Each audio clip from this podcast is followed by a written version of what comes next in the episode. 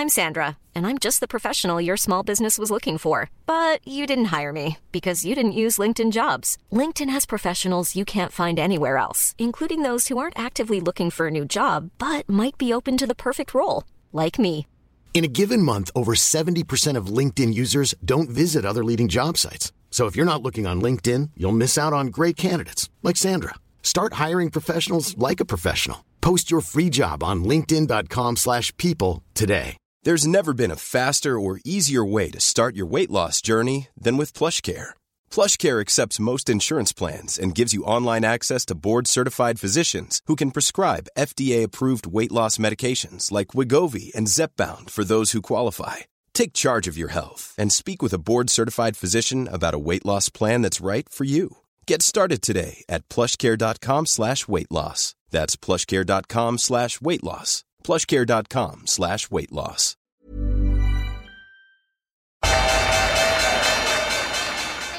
They mistook leverage for genius. Leverage for genius. I would recommend Japan. The governments don't rule the world. Goldman Sachs rules the world. Velkommen til episode 217 av podkasten 'Tid er penger', en podkast med Peter Warren. Jeg heter Sverre og er produsent, og i dag er det noen store hendelser som vi kan snakke om fra uka som har vært de siste syv dagene. Har vært ei dobbel renteheving i Norge med betydelige implikasjoner mange steder.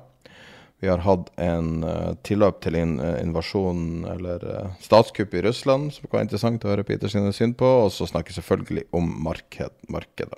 Så jeg tror vi bare går i gang med episode 217, og du må også huske at tid er penger. Tar aldri ferie. Vi er hver mandag gjennom hele sommeren også. Da starter vi med denne episoden.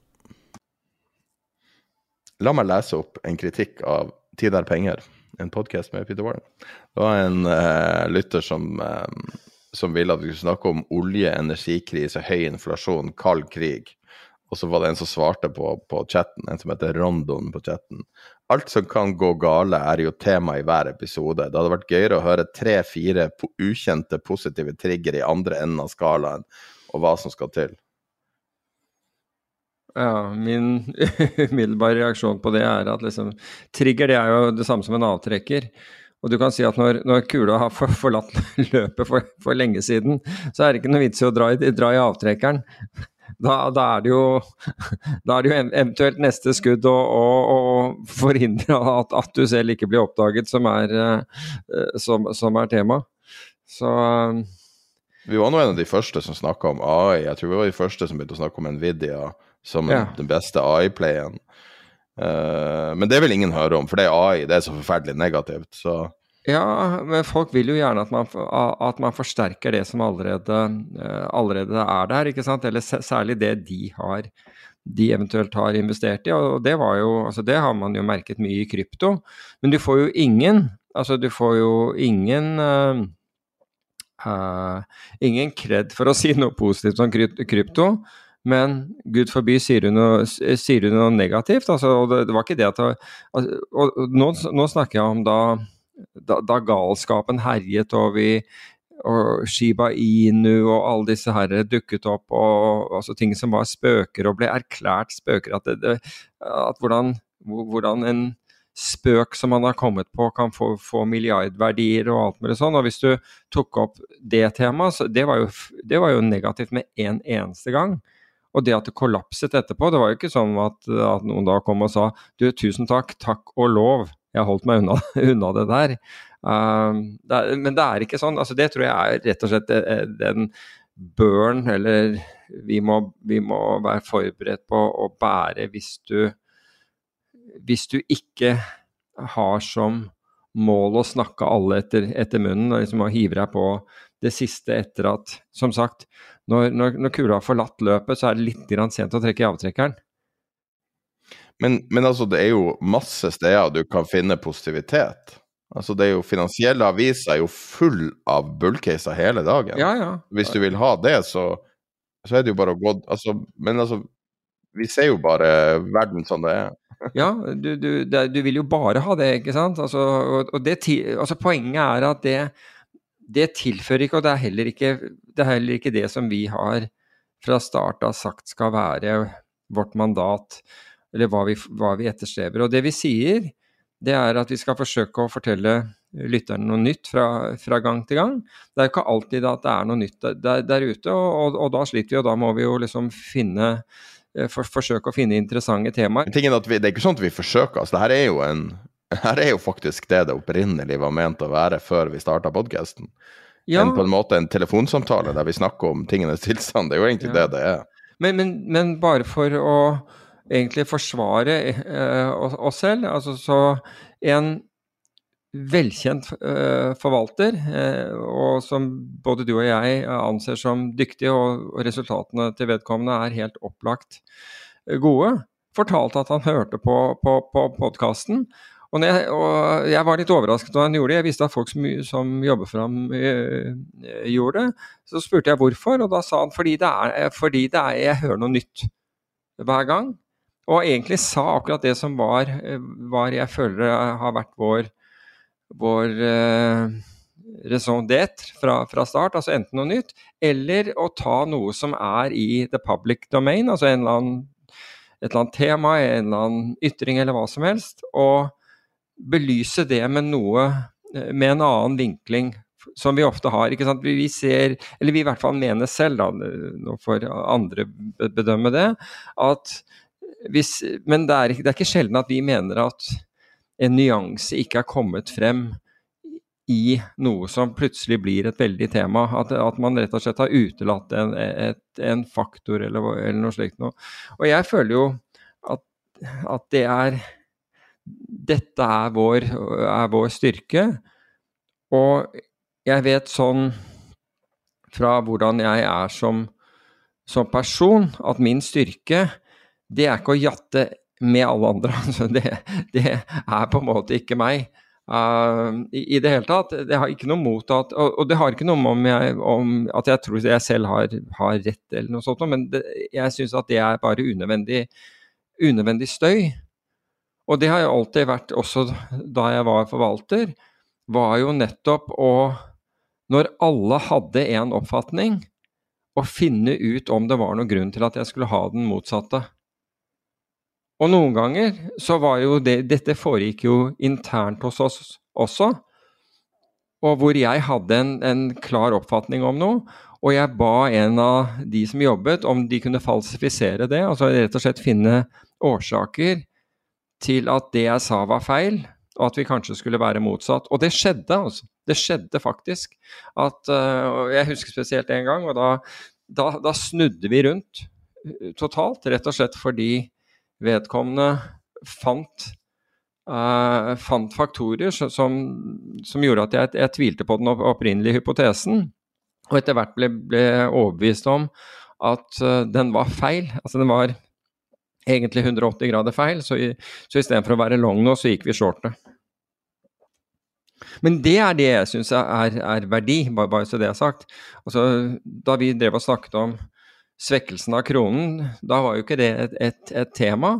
Og så plutselig ble det et allemannstema. Altså, men, men, på den tiden var jo, var jo kronen svekket seg uh, ytterligere 10% Da ble det et sånt kjempetema rundt det.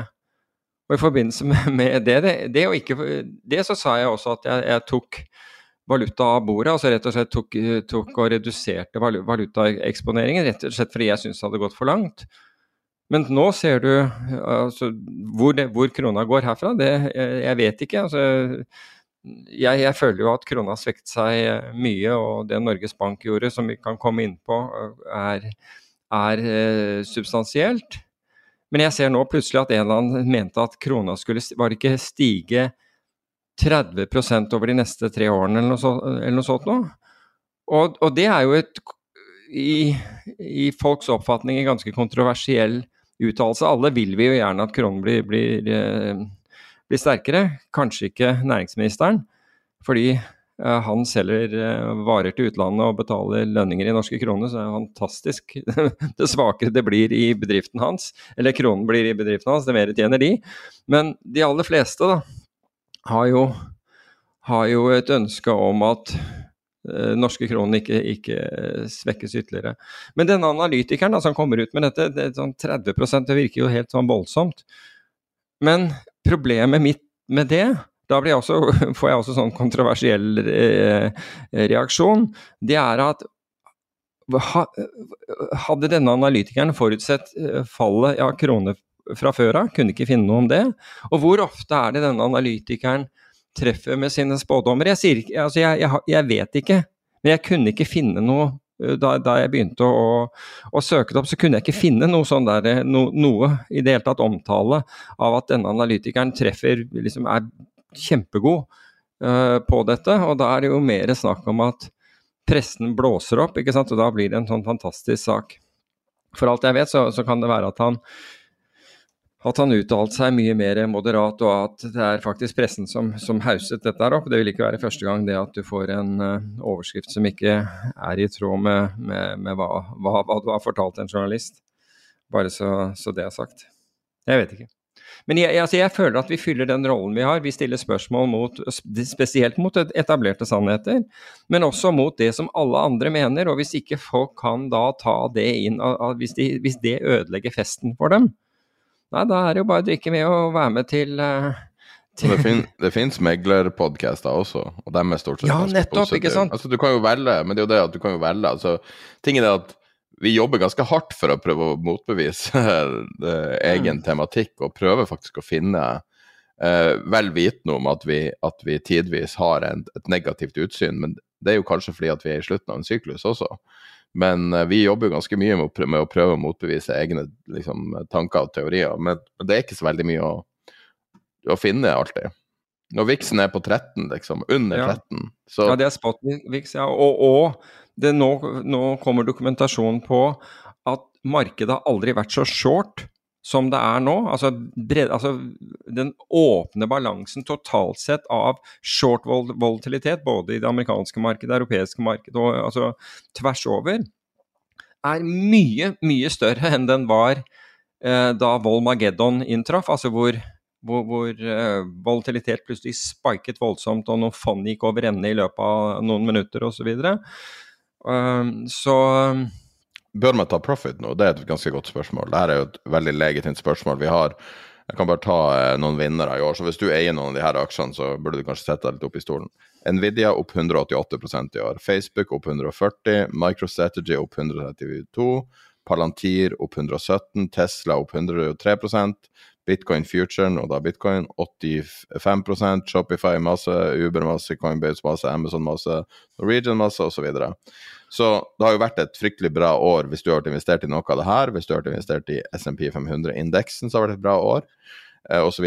Hva burde man gjøre nå? Burde man ta profit og bare sitte og gruge på pengene? Altså, jeg, jeg synes jo at med verden sånn som den ser ut nå, og den blir ikke mindre, den ble ikke mindre overraskende uh, denne helgen som var heller. Så, så, handler det for det første om å ha porteføljer som er diversifiserte, og kanskje rebalansere porteføljer. Når det gjelder, altså Du nevnte Nvidia, antageligvis fordi den har, den har gått mest. Der er det jo et argument at Nvidia faktisk i forhold til forward earnings er jo billigere nå enn det den var for en, for en, for en tid tilbake. Ja, P, P ja. Er halvert. Altså P, estimert P i år, altså price ja. earnings, på grunn av at earnings har gått så mye opp, mm. så har P-en blitt halvert fra 2022 til 2023. Selv om den er høy, ja. så det en Altså, det viser jo at Nvidia klarer å konvertere popularitet til inntekter på under et år. Nettopp. Og, og, du kan si at jeg, og, og det er jo akkurat derfor, så, så det å utelukkende å se på på, på kursnivå, det, det, sier ikke nok. Men, men, du kan si at hvis, altså hvis du har en kombinasjon av en voldsomt økt volatilitet i en aksje osv., så, så kan det hende at du bør rebalansere litt i forhold. slik at hvis dette trekker seg tilbake, om det bare er en korreksjon eller noe sånt, så blir, ikke, altså, så, så blir ikke psyken din uh, satt på uh, utfordret, da. Så det kan hende at man skal gjøre. Men du kan si at jeg tror definitivt at vi har gått fra den tiden, og dette har vi snakket om i, i to år nå, eh, at vi har gått fra den tiden hvor altså med kvantitative lettelser, altså evig, nullrenter og, og, og verre enn det, holdt jeg på å si, eller til og med negative renter, og at sentralbankene støttekjøpte verdipapirer. Altså I det øyeblikket det var over, så var det ganske opplagt at porteføljen din at, at, Altså i den perioden kunne du ha en smal og risiko, øh, risikofull øh, eller fylt øh, portefølje. Da det, opp, da det opphørte, så sier det seg selv at det er nye premisser du må ta hensyn til. Og følgelig så bør du kanskje skifte gir, akkurat som du treffer en oppoverbakke, eller, eller trenger å bremse i en nedoverbakke, hva, hva, som helst. ikke sant? Altså, er, da bør man skifte gir, og, og det gjør du ved, med måten du konstruerer porteføljen din på. Var den, var den smal og hadde kjempehøy beta, så burde du kanskje liksom gjøre noe med den. Og vi har jo snakket om de tingene du kunne diversifisere med mange ganger. Ikke minst hvilke fond du kunne bruke, hvilke instrumenter du kunne bruke. Så alt dette her eh, Altså, det er ikke Det er ikke en flat pedalsak uansett værforhold. Jeg har en potensiell bull-trigger. Ja, det kan være mange bull-triggers. Kom igjen. 270 millioner fat må kjøpes tilbake. Ja, der har du trigger. Der har du trigger. På SPD? Mm. Ja, altså det, det er en trigger. oljelager. Ja, absolutt. Ikke sant. Det er eh, SPR, mener jeg selvfølgelig. Uh, det er uh, Det er jo en, definitivt en trigger for, for, oljepris. Poenget er at vi har forventet at det tilbakekjøpet ville, ville skje tidligere. Vi, for, nummer én og når jeg sier vi i dette tilfellet, så, så tar jeg marked, markedsforventningene, in, inkludert mine egne. Jeg hadde ingen formening om at Biden ville selge ned de lagrene til disse nivåene som de befinner seg på nå. Altså fortsette å bare fortsette å selge. Jeg skjønner at uh, bensinprisene er viktige for, for, uh, for velgerne hans. Men jeg, jeg, jeg hadde altså Og spesielt tatt i betraktning at verden ser ganske uh, mye mer annerledes ut etter at krigen i Ukraina startet, så ville jeg ha trodd at det ville i hvert fall stanse nedsalget. Det har de ikke gjort. Men vi har sett det første, eh, første tilbakekjøpet, og det er jo ikke mange fat, det. Altså det er noen millioner fat, eller noe sånt, men, men det, er, det, utgjør ikke mye i, i, i den sammenhengen. Så altså, det, det handler jo om å være være fleksibel. Jeg tror også at det, det er en bulltrigger, men det er en bulltrigger for olje, og muligens for, for Norge også, avhengig av hvor heavy-handed eh, du vil være. Men du kan si at når 10% av verdens oljeproduksjon sto i fare for mindre enn 24 timer siden, eller ja, litt over 24 timer siden, så, så, er det jo så, så, blir jeg litt sånn, litt sånn hoderystende. Altså, hadde den situasjonen som nå skjedde i helgen, med Prigozjin og, og Wagner-gruppens utfordring av Det er det mildt. Eh, snakk om sommeravslutning, forresten. Wagner-gruppens sommeravslutning er jo ganske fin. Det? Da, De sitter sånn hestesko. ja, ikke sant. Nå, nå, nå, nå jeg sitter i hestesko og svinner. Hva skal vi gjøre som sommeravslutning i år? vi, rykker, vi tar M4 og rykker mot Moskva. God idé, let's go. Ikke sant? Altså, med alt det det kunne innebære, da men før vi går til deg, la meg bare fullføre positivitet. Vi har det som vår, en av våre hovedtema. um, jeg bare ser på vår research, da. Så sol, altså uh, fotovoltaik, altså solcellepanel, prisene Hvis du ser på den grafen, ja, så 75 ja. Så jeg legger den med i nyhetsbrevet som vi sender ut etterpå. Uh, den grafen der er ei rett linje fra 75. Da var det 10, eh, nei, 100 dollar per watt Mm. Og nå er det så lavt at jeg, jeg, det er litt vanskelig å, å se, men det, det, er omtrent null. og er, det er en super bullish utvikling, og det er jo også Jeg husker veldig godt rundt 2010, når man lå på to dollar per watt. Nå ligger vi 0,0 et eller annet. Eh, jeg husker veldig godt at det var en analytiker som heter Josh Brown, eller analytiker, en forvalter som heter Josh Brown, som er kjent han er på CNBC, og da husker jeg han sa at han trodde at det neste tiåret skulle være det grønne tiåret. Og nå er det ca. ti år siden den kommentaren. Og, mm. og han brukte bl.a. den grafen. Og det hadde han jo rett. Den har jo, den har jo um, altså gått fra eh, et kostnadsnivå på 2 til kanskje 0,2, eller noe sånt. Så order of magnitude eh, forsterkes. Så det er en, definitivt en mulig trigger, fordi at energien blir på en måte lettere og lettere tilgjengelig. Eh, og det andre er da eh, potensiell eh, revolusjon av batteriteknologi, som nå står på trappen. Mm. Der du halverer vekt og størrelse på på batteriene og eh, drastisk øker kapasiteten og også stabiliteten. Så to konkrete triggere til energi som, som ikke er den skitne energien. Mm. Uh, litt sånn skår i gleden der er hvis at Enova har da redusert støtten til, uh, til, til solcellepaneler. Det er jo liksom sånn når, når, myndighetene bestemmer seg for å gjøre det i en periode hvor alt skal settes inn på å være grønt, man har screwed it up totalt i forhold til, uh, i, i, forhold til norske forbrukere. Og nå, nå altså når, når, når du får Eh, strømspikes nå om dagen, altså hvor, eh, hvor strømpris altså for det første er Jeg vil bare si at Gaugum fikk tre kvart million for å bygge eh, fra Enova for å bygge bergvarme. Ja, det er kanskje derfor Etter vi... de har fått 300 millioner i apanasje. Tre kvart million fikk de, og, og den støtten i Enova som du mister, er noe sånn som 10 000 per person. For du får ikke så mye ja, støtte i solceller fra før av. Men uh, ja, det, det, gjør meg ikke noe, noe For så vidt ikke noe gladere. Men uh, Nå beskytter de kongelige. Ja, ja, for all del. For, for, all del. Men du kan si at i en periode hvor uh, altså det Jeg skulle til å si de strømspikene nå kommer av at ja, aircondition altså når, når strømprisen din går opp nå, så er det ikke nødvendigvis fordi det er lite vann. Det kan godt hende at det er jo det er forholdsvis lite vann i magasinet, men det er jo fordi vi eksporterer som, eh, som, som galne til, til, Europa, som nå trenger det for å kjøre airconditionene sine.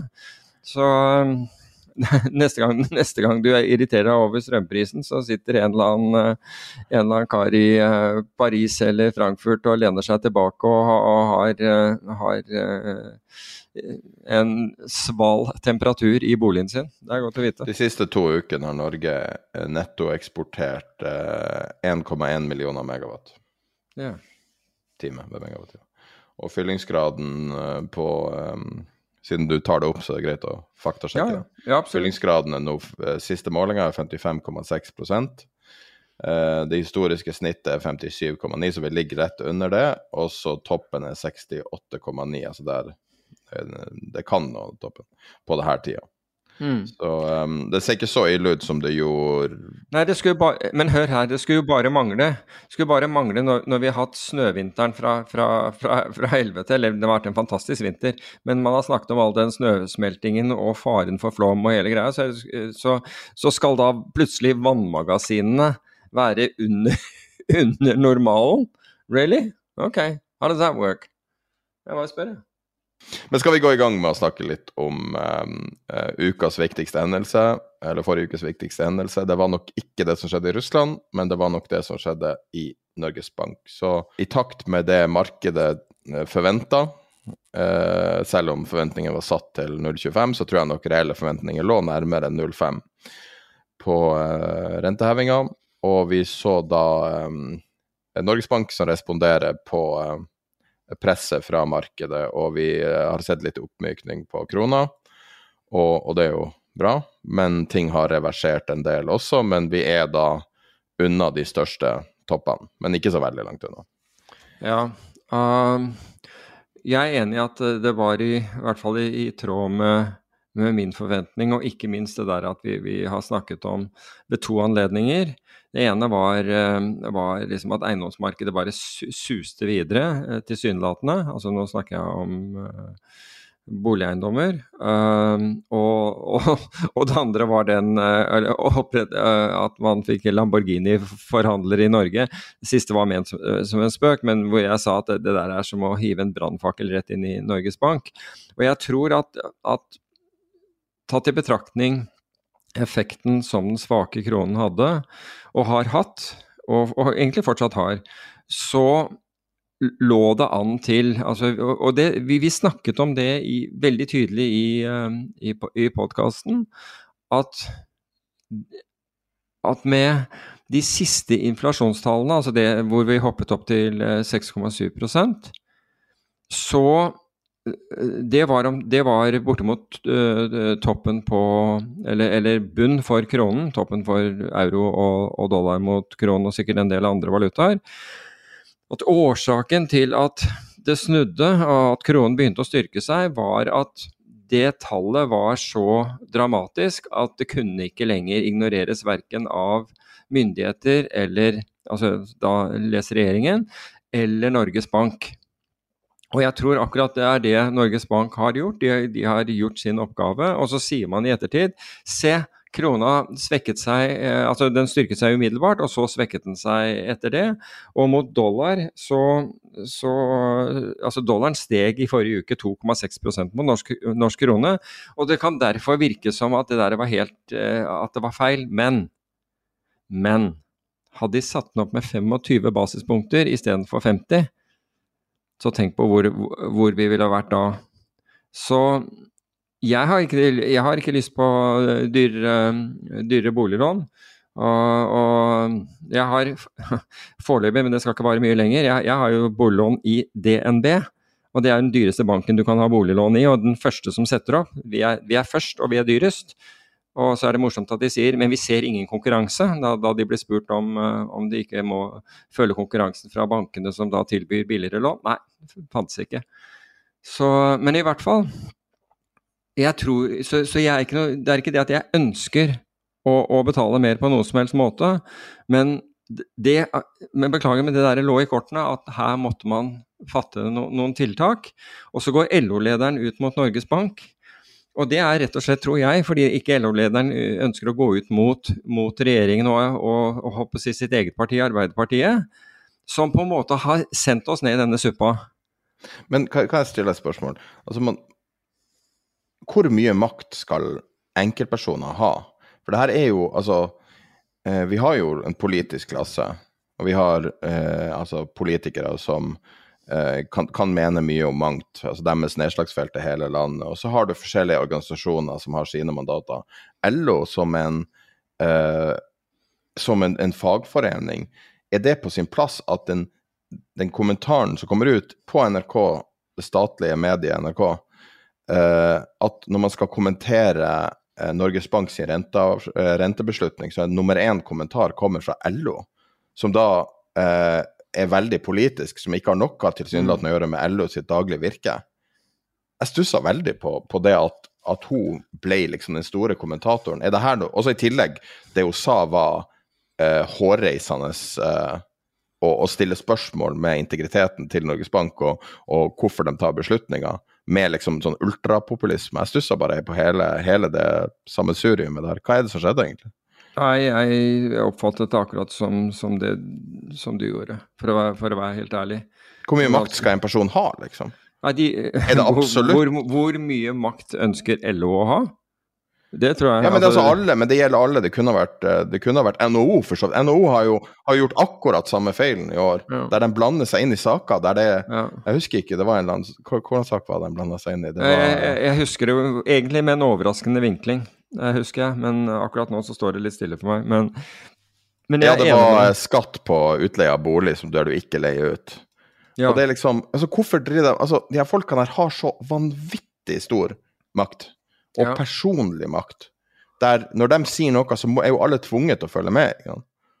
Men altså, vi har jo så mange politikere i Norge, kan ikke dem få lov å drive med politikken? Jo, men når du, når du, har, eh, altså når du har, en voldsom misnøye, og du kan ikke kalle det noe annet med, med den sittende regjering når, når,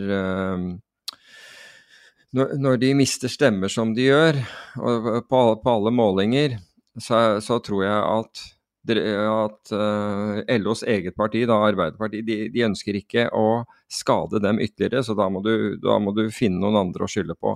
Så velger man å skylde på, på, på Norges Bank, og ikke på, på, politikken som har ført oss hit. Vi må huske på at det er, det er, altså, det er så mange ting som ligger bak, altså, ligger bak den uh, inflasjonen. Og det Norges Bank har som mål å gjøre, er jo å forsøke å bekjempe den, eller i hvert fall forsøke å kontrollere den til, uh, til et område som er vesentlig lavere enn det vi er i, er i, dag. Og de også ser at ved en videre svekkelse av, av kronen, så blir det enda vanskeligere å nå, og da kan du plutselig få en situasjon som går helt ut av kontroll.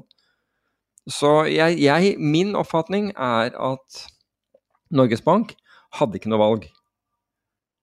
Eh, og så får man se på Men du kan si, hva med alle de der altså Hvis du ønsker, som da LO tydeligvis gjør, fordi de er opptatt av, av medlemmene og sikkert andre også, sin økonomi, du kunne begynne å halvere moms, da, f.eks. På, på, på, på, visse, på, visse varer, eller ta det vekk, eller et eller annet sånt. Eller reversere noe av, av skatteskjerpelser og osv.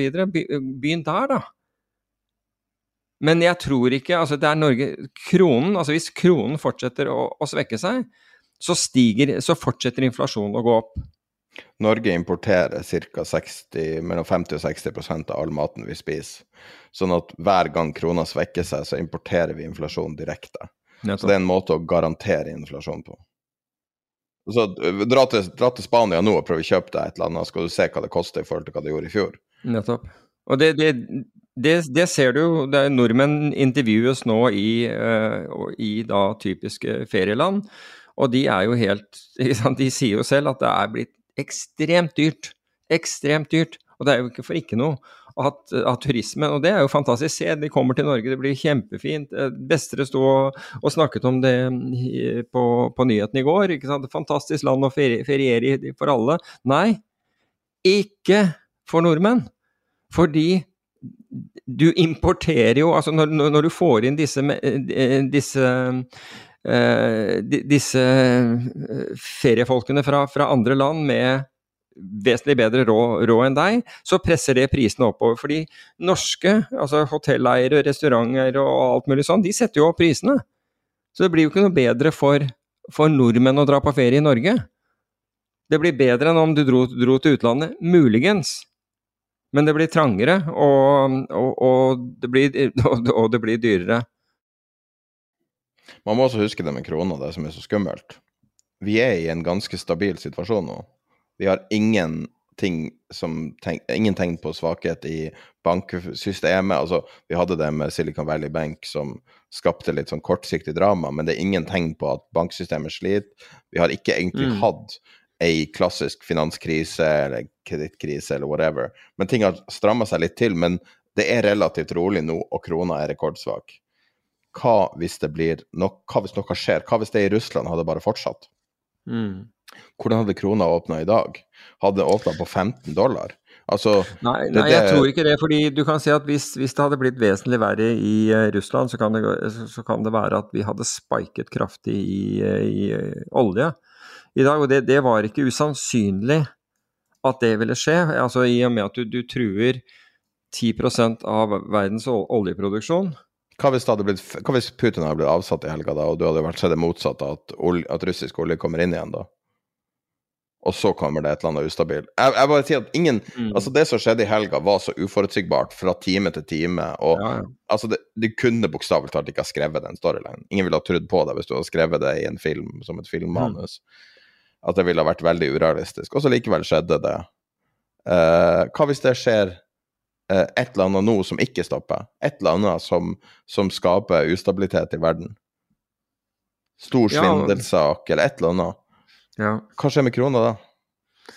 Ja, altså du, du, kan si at Kronen er ikke en tilfluktsvaluta, for å si det forsiktig. Men tvert imot så pleier kronen å svekke seg når, når, det skjer store geopolitiske hendelser. Altså hvis vi nå, med unntak av, av, av oljerelatert, så, så, har man jo hatt som altså det, det, vanlige har jo vært at man har, at man har flyktet til de store valutaene og, valutaene, og dollar, dollar spesielt. Men altså når jeg tenker på det, altså når jeg så den der at eh, DNB er første som hever renten, og, og så syns jeg det har vært litt sånn der arrogant holdning i forhold til det fra, fra bankens uh, side tidligere, ikke minst det jeg refererte til, at de så ikke noe konkurranse, det var ikke noe. Dette var banken som ba de store innskyterne om vær så snill å ikke ta ut pengene i 2008, altså. Så det er, det er tydelig at det er helt glemt. Det er helt glemt at liksom, da appellerte de til sine egne kunder om å være så snill å beholde innskuddene. At, at DNB fikk lov å beholde innskuddene. Så ja, ja, mye skjer på noen år. Og så ser vi da overskrifter jeg hadde ikke forventa å se i år. F.eks. Torstein Tvenge sier at hver eneste krone han tjener, brukes til å betale gjeld. Mm. Og så tenker du at hvis, hvis Tvenge, den som flere, med flere anledninger hadde høyest inntekt i Oslo, Altså når du Ja, høyest inntekt, rett og slett. På skattelisten, eller hvor det var. Okay. Når den personen føler presset, hvem føler ikke presset da? Ja. Ja, jeg, jeg er enig. Um, jo, men jeg, jeg, kan fortelle deg at folk føler, uh, føler presset. Og hvis jeg kan Jeg hadde ment å ta den her eh, forrige gang fordi finansministeren har jo da snakket om hvor viktig det var med alle disse skatteskjerpelsene. At det gjorde han fordi ellers ville vi ikke ha politi eller sykehus eller noe sånt. Alt, altså Vi ville ikke ha penger til det. Og så har jeg fulgt en, en historien til en, en, en, sykepleier som har vært 22 år, øh, jobbet som sykepleier i 22 år. Og har da en mann, altså under covid så, blir, øh, så, så mister mannen øh, jobben sin. Hun tar da, rett og slett pga. hun er førstelinje, så hun var på akuttmottak på et stort sykehus like i utkanten av, uh, av, av, Oslo, og måtte da gå dobbeltvakter osv. Og, så videre, og de har lån, og det, det er liksom problemer, men, men, hun jobber. og hun sier at de, det var flere ganger hvor de, de, rett og slett ikke kunne få gå hjem pga. arbeidsmengden. Og det var akkurat de som nasjonen ba om og da snakker jeg om politikerne og regjeringen ba om ekstrainnsats fra, så yter den der ekstrainnsatsen. Uh, jobbet da ekstra på legevakter i helge, ferie, hele greia, for, liksom, for, for, å hjelpe. Og så blir Og så får hun baksmell på basis av at hun har jobbet mye. Og uten da Hun er da nå eneforsørger av mannen og, og, og, og, sønnen har gjeld, får ikke dette til å gå opp. Rett og slett får de ikke Altså, prisene har, har steget. Får da skattekrav hvor de klarte å få det Hvor du må betale 18 000 kroner i måneden. Altså, det, det er, det har du på, på, på forhånd du, du, så, så, så sliter du. Og så tar man kontakt ikke sant, og ser om det går an å, altså med, med, med, både skatt og Nav osv., men hører at, at, Og det er rett og slett fordi pga. all den overtidsjobbingen men det var jo ikke nok til å dekke fordi kostnadene har gått opp. Men fikk da høre at skulle bare jobba mindre, da. Og det, det, er det du får liksom høre fra myndighetene når du er blitt pålagt, og, og i tillegg tryglet om å gjøre en ekstra innsats. Og så er det ingen i myndighetene som, som er villig til å yte noe den andre veien. Og altså klarer rett og slett ikke utgiftene. Vedkommende har to hjerteinfarkter, går på medisiner, får ikke Det var et eller annet med, med, med Gjorde som ikke fikk frikort. Det var liksom Alt er gærent. Og så tenker jeg liksom at jeg tenker jo, Oppriktig så, så tror jeg at, at, eh, at, finansministeren mente det han sa. Da han sa at, liksom, at dette At man trengte penger til altså Selvfølgelig har Norge nok med penger, det har rent inn penger på, på gass og olje osv., men glem nå det. Men at man måtte øke skatter og, og trekke inn for, for å hjelpe da For at man skulle ha en helsetjeneste. Og så er dette en som da har gjort maksimalt for å hjelpe samfunnet. Og så bryr samfunnet seg døyten for iskald behandling fra Nav og kommune. Og da tenker jeg liksom at hvis man konfronterer Vedum, og Vedum, hvis du tar kontakt, så skal du få detaljene. Altså, jeg er ikke i slekt, slekt med, med, denne, jeg har ingen bindinger i det hele tatt. Jeg har bare hørt om, det, om denne personen, fått høre om denne personen gjentatte ganger. Som da står i det, og er liksom Det begynner å bli ordentlig mørkt for vedkommende. Vet ikke hvordan, fordi gjelden bare stiger. Du klarer ikke å betale regningen. Du har ikke til mat. Du må gå liksom og få tak i det, det billigste av det billige. Men ingenting er billig lenger på, i, i, uh, i kolonialen. Så det er bare en, en, situasjon som forverrer seg.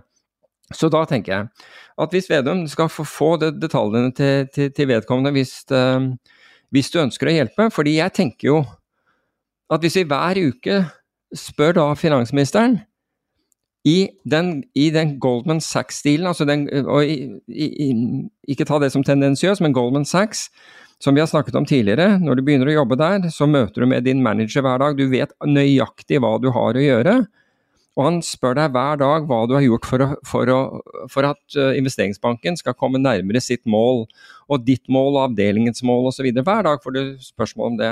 Og da tenker jeg liksom, Vedum, hva har du gjort i dag for å hjelpe sykepleier, som jeg skal anonymisere med å kalle, med å kalle sykepleier A, for å nå målet sitt? Hva har du gjort denne uken for at vedkommende skal nå målet sitt? Fordi det er også ditt mål, ifølge det du har sagt. Så da tenker jeg at de to tingene er, er, er forenlige. Ingenting hadde gledet meg mer, mer, enn å høre at det blir gjort, blir gjort, en innsats her, bare så det er sagt. Så jeg, det, det, er, det, ville være fantastisk uh, hvis, hvis, man så gjorde. Det var den saken. Jeg har brent inne med den i litt over en uke, men jeg syns virkelig synd, synd på, på vedkommende. og ja, jeg kunne fortelle flere, flere, episoder fra dette her, men jeg, jeg, skal la det være med det. Men hva har du gjort denne uken, Vedum, for å bringe, for å, for å bringe sykepleier av nærmere målet? Og det er rett og slett å klare å, å få hodet over vannet. Og dette er personene som du har lovet at skulle få det bedre. Ok, neste tema. Skal vi snakke litt om finansmarkedene? La oss prøve det. Det var voldsomt så bitcoin-rally det skulle være i forrige uke. Opp eh, nesten 20 litt avhengig av hvordan du, hvordan du eh, sorterer på, på dataen. Og eh, vi ser samtidig som bitcoin stikker Bitcoin har jo for så vidt fulgt markedet, men kanskje fulgt dollaren mer. Så, men det, det, er ikke en dollarbevegelse som Nei. forklarer det her. Og så har du da sett, hvis du ser de store toneangivende driverne eh, på SMP 500, det er jo 15 aksjer som står for 85% av bevegelsen. Og um, de var også ned og viste tegn til å ha nådd uh, et slags sånn utmattelsespunkt på det her rallyet. Som, mm. Så kanskje et rally som er ganske vanskelig å forstå også, annet enn nå skal renta tilbake til null, spådom. um, hva er det som uh, ligger under uh, bitcoin-oppturen? Det som ligger under bitcoin, og for så vidt uh, den uh, grayscale uh, bitcoin-trusten, den var opp 27% i forrige uke. Galaxy hoppet 24% og bitcoin som du nevnte var opp 17 Blockchain-ETF-en var opp, opp 6 Det er rett og slett at BlackRock har da, gitt, har da søkt om å få opprette er, altså BlackRock er verdens største forvaltningsselskap søkt om å få, opprette en, en bitcoin-ETF. Og hvis, uh, hvis de får til det, så, så, regner man med at man får ut denne her proppen som har vært der, hvor, uh, hvor SEC har liksom uh, trenert og skjøvet på alle de søknadene som, som, har kommet. Men man håper nå, fordi BlackRock har tenkt å gjøre det på spot bitcoin, mens de andre har, har kjøpt future-kontrakter, altså de andre ETF-ene eh, e og fondene har brukt future-kontrakter, så ønsker BlackRock å gjøre en spot-kontrakt.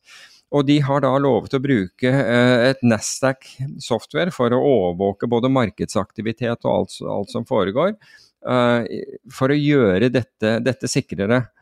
Og nyheten om det, ikke bare som jeg nevnte, denne bitcoin-trusten den hoppet opp, eh, den steg 27% mens bitcoin selv var opp 17 Og noe av forskjellen, eller nesten hele forskjellen, lå i at rabatten, fordi den kunne man kjøpe denne trusten, eh, denne kanadiske trusten, som da kun sitter på bitcoin, bare så det er sagt, den kunne man kjøpe med en over 40% rabatt. Nå har den rabatten krympet inn til, til 30 så markedet tok dette veld, veldig, veldig, positivt og sendte da bitcoin-kursen uh, godt over 30 eh, 000 dollar. Og, men det er artig å se, fordi jeg, jeg kikket litt på dette her og, og, og, tenkte hva skjedde? Altså, vi fikk så utrolig mye negative bitcoin-nyheter i siste halvår av, eller kryptonyheter, om du vil. Kryptonyheter er bedre. I, i uh, siste halvår av i fjor. Og FTX, altså da denne, denne børsen eh, gikk over ende, så var Altså, det tror jeg eh, Altså av media og Men også det Jeg følte jo også det selv at det var omtrent nakkeskuddet for, uh, for bitcoin. Ikke det at jeg shortet den eller, eller noe sånt, men jeg tenkte at nå Altså, det, kan det bli verre? Men vet du hva bitcoin lå på på det tidspunktet, uten at du kikker etter? Røftlig, når øh, den nyheten ble kjent? 16 000. Ca. 16 000 dollar lå den på. Og vi bundet vel ut på, i, i, en sånn desperasjon nede på 14, fordi den, jeg mener at det startet vel rundt 2.11, og så gikk det i en uke av ti dager hvor liksom den, den, verste delen av FTX, altså da man fikk, eh, fikk klarhet i at dette her man kan vel kalle det en svindel, kan man ikke det? Altså, det er vel ikke kontroversielt å kalle det en, en svindel, i og med at man brukte eget, uh, sin egen tradingoperasjon til, til å holde kursen opp og, og handlet imellom disse to osv. Men i hvert fall Nå har det ikke vært oppe i retten, så vi skal være litt forsiktige. Men i hvert fall da var bitcoin-kursen rundt, rundt 16, og i dag er vi på 30. Så til tross for alt det negative som kom, så det, det, man ser, det er at de, kontiene, de bitcoin-walletene som var superaktive sånn, og Nå snakker jeg ikke om Citadel og, og disse high frequency traderne, men disse, disse uh, type GameStop-playerne. Uh, altså de som drev og satte ut rykter og kjøpte og solgte voldsomt. De, det her er det nesten ingen aktivitet lenger. Og aktiviteten, altså den lille aktiviteten uh, som er, er Altså de store walletene, de, de store holderne, har sittet gjennom, gjennom det hele. Um, så det er på en måte Så man har gjennom det som skjedde, fått røska ut veldig mye av av uh, memestokk-type investorene. De som hi stadig hiver seg på det siste og skriker mest og, og antageligvis er, er, mest aktive, de er blitt borte. Og du har mer si, stabile Altså, du, du, har flyttet det fra, fra svake til sterke hender. Jeg tror jeg har brukt den analogien tidligere, at det er mye sterkere hender som sitter med, med, med den åpne balansen av, av bitcoin i dag. Så det er egentlig det som ligger bak akkurat den der, og det kan være mer nyansert enn det jeg sier, bare så det er sagt, men det, det er en til ting du har glemt. Ja, kom. Sist uke, litt avhengig av tjeneste du bruker osv., så, videre, så kan du argumentere med at bitcoin satt ny all time high. Ja, jeg, jeg, var, 138 000 dollar, det var en fatfinger eller noe lignende. På, på, på hvilken børs var det? Binance eller noe sånt nå?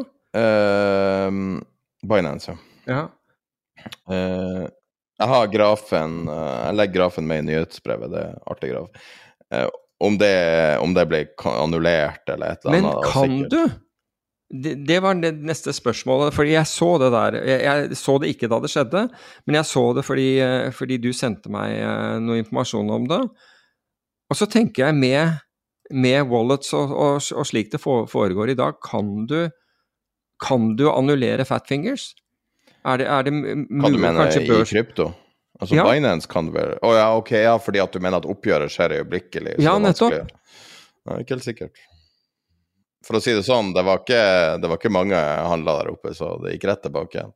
Ja, men det, er, men det, er, jo noe rart, da. Altså, det må jeg jo si. Det er jo, nå vet jeg jo at, uh, at, at Binance er, og det er vel Coinbase også, under eh, SEC-etterforskning. Eh, og de har, de har vel i hvert fall tatt ut tiltale mot Binance, vet jeg, muligens også mot Coinbase. Det siste husker du sikkert bedre ja, enn ja, en meg. Akkurat. Men om de opererer som vanlig i dag til tross for det, fordi Ryktet er at de er ganske nært et, uh, en løsning på det. Altså en settlement? For, forlik. Ok, men poenget mitt er hvordan kan kursen Altså du sa det var ikke mange handler, men hvordan kan kursen da Binance var ikke det den største plattformen? Hvordan er det mulig for kursen å gå fra 0 til 108 altså Ikke fra 0, da, men la oss si fra, om det var fra underkant av 30 000 til 138 000 uten å møte noe motstand hvis du er en av de største børsene? Uh, men ellers, da, i, i, i, forrige uke så skjedde det no, noe annet signifikant. Fordi vi nevnte for et par uker siden at endelig så hadde Oslo Børs steget mer enn amerikanske statsobligasjoner i år. Det ble reversert i forrige uke, da Oslo Børs falt med over 4 Eh, verdensindeksen var bare ned 2, men Oslo Børs falt over 4% og er da ned i forhold til altså, og mens, eh, mens amerikanske statsobligasjoner steg 0,7% så Oslo Børs, jeg så i hvert fall var det meldt tidligere i dag, var da tilbake under altså, eh, hadde negativ avkastning for, for, året, mens amerikanske statsobligasjoner har da en positiv avkastning med 3,8% i år. Så statsobligasjoner har vært bedre enn Oslo Børs, og det har sikkert norske statsobligasjoner vært også, bare for å, bare for å si det. Um, på, det var veldig mye rødt egentlig i forrige uke, og ganske lite grønt. Men på, på den røde siden, og det som gleder oss, det er jo at uh, det er jo at uh, nordiske strømpriser, altså for tredje kvartal, det, det falt med, med, med 14 og Deretter så var det den BWET, som er da Breakaway uh, sin tank-ETF, altså ETF over tankaksjer. Så tankaksjer var ned 13 det er en ganske stor bevegelse. Nå var det jo en del bevegelse i raten òg, skal det sies, og sølv var ned 8 jeg, jeg følger veldig lite med på, på enkelte aksjer. Men jeg så jo den hvor man snakker om denne Du var kanskje inne på det i sted, dette hvor smalt dette markedet er. Vi snakket om det forrige gang, at det er få aksjer som driver indeksen.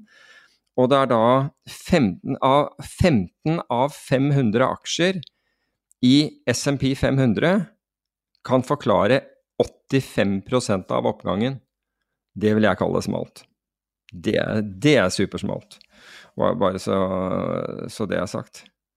Så Ellers så altså, Og bare litt tilbake til det vi, vi snakket om med det som foregikk i, i uh, Russland. Altså startet Ukraina, gikk, gikk uh, oppover M4 mot Moskva. Um, det er at da, da valutamarkedet åpnet, så falt rubelen. Altså til tross for at Putin fortsatt sitter, men Eh, den generelle oppfatningen er jo at dette har svekket ham. Um, så, og, og, Skal vi starte? Vi må ta det her litt mer omstendelig, tror jeg. En... Ja, det kan vi godt. Så uh, for det fredag kveld rundt midnatt, tror jeg, så kommer de første ja. meldingene om at noe er i ferd med å skje. At uh, Putin har sendt ut en arrest, eller har sendt tropper for å arrestere Prigozjin. Mm. Og um, nesten umiddelbart får vi meldinger om at han begynner å sende tropper inn i Russland. Og når man våkner om morgenen, så er de på vei mot Moskva, har tatt den første byen. Ingen motstand. Uh, en hel verden tuner inn liksom, og, og, skal se på live TV, og alle TV-kanaler viser det som eneste. Det her ser ut som liksom, en helt monsterevent. Og på sent på dagen plutselig får vi beskjed om at eh, Putin og Prigozjin har blitt enige, eh, der eh, Lukasjenko har opptrådt som en forhandlingspart, og at um, Wagner-gruppen Ja, da presidenten i Hviterussland, hvis noen skulle være i tvil. ja. Og, og Wagner-gruppen har da blitt enige De har fått um, Altså, de ble jo kalt forrædere av eh, Putin noen timer tidligere, og de har fått um, uh, Hva det heter det for noe? Amnesti. Amnesti, ja. Mm. Og, og, skal dra rett til uh, Hviterussland, som jeg tror, jeg tror, de er der allerede nå. Og, og alt bare stopper opp ut av det blå, og, og folk sier liksom bare det, hva, hva er det som skjer nå? Og så begynner man liksom å gå i dybden. Amerikansk etterretning sier at vi visste om det her, og litt sånn lite troverdig å si det etterpå, da. Det kan gå utgangspunkt hvem som helst si. Men um, Og når man ser på situasjonen, så kan man på en måte forstå logikken bak den, liksom, alt som skjedde. Men, men det er en av de mest spesielle tingene som har skjedd i offentlighet, som jeg kan huske, kanskje med unntak av 6.1. Eh, det er omtrent like stort, kanskje. Hva, mm. hva, hva er det som har skjedd? Kan du forklare utfallet, og ble du overraska over at det skjedde, og at avslutninga ble som den ble? Ja til begge deler, for å si det på den måten. Altså at Prigozjin har vært uh, lyn forbanna på, på the top military brass, hva heter det på norsk? Øverste militær ledelse i, uh, i, i, Russland. Det har han jo uttrykt ved, ved, flere anledninger. Han har blitt mer og mer forbanna uh, etter hvert, og, og, mer og mer nesten ut, utagerende. Men at det skulle da gi seg uttrykk i at man laster opp og drar mot Moskva. Altså Først så var det jo denne, denne byen, Rostov, eh, som, som man inntok. Og det som altså bildene derfra viser jo at russerne faktisk Altså de, de, den russiske populasjonen der hyller jo disse Wagner-soldatene. Um, så det er ikke sånn at det er en motstand mellom Wagner-gruppen og, og, og, befolkningen der, lokalbefolkningen. De sier samtidig, for det, det, er vel Jeg mener at det er derfra uh, Russland launcher uh, air assets, uh, hva heter det, altså luftstyrker mot, inn, inn, i Ukraina. Og, og Prigozjin sier jo da at det skulle kunne At de ville ikke legge noe til hinder for det. Samtidig så blir jo Wagner-soldatene angrepet av, av, russiske luftressurser og skyter ned to helikoptre og et fly. Jeg vet ikke om det er et jagerfly eller ikke, men man, an, man antar at 15-20 russere ble drept i, den, i, denne forbindelse. Så setter denne konvoien eh, fart opp M4 mot Moskva. Og det er et stykke opp der, er, jo, er det ikke 14-15 timer å, å, å kjøre. Og vi ser en ganske tom motorvei uh, foruten disse uh, troppetransport og tanks på sånne flatbed trucks. For tanks har, klarer ikke altså Hvis de kjører på en motorvei hele dagen, for det første bruker de altfor mye drivstoff. Uh, og det andre er at de tygger i filler, uh, tygger i filler asfalten, som vil antageligvis bety at dette går, ville, ville gå seint. Men jeg, og så sitter jeg og lurer på det, for jeg prøver å se, se så mye av, disse Av de, den filmingen som har vært gjort av disse av den, kall det fremrykkingen. De har god avstand mellom kjøretøyene, så er det tydelig at de er, de er bekymret over å bli angrepet fra, fra luften. Men og det er en av de første tingene jeg tror jeg spurte deg om det, og, og, om, om, om, det var noe tegn til artilleri, luftvern eller noe slikt noe i denne kolonnen, og det så ikke jeg, i hvert fall på noen av de bildene. Og det er klart at etter hvert som du begynner å nærme deg Moskva med det, uten det, så, så, så begynner jo kan, kan man se for seg at dette kunne bli ubehagelig. Samtidig så får man meldinger om at man destruerer, holdt jeg på å si. Man ødelegger motorveien. Uh, M4, et godt stykke, jeg tror det var noe sånt som 20 mil eller noe sånt nå. Var det så langt, da? Jo, jeg lurer på om det var det. Uh, sør for, for, Moskva, slik at ikke disse kjøretøyene skal kunne komme, bare kunne, kunne kjøre frem.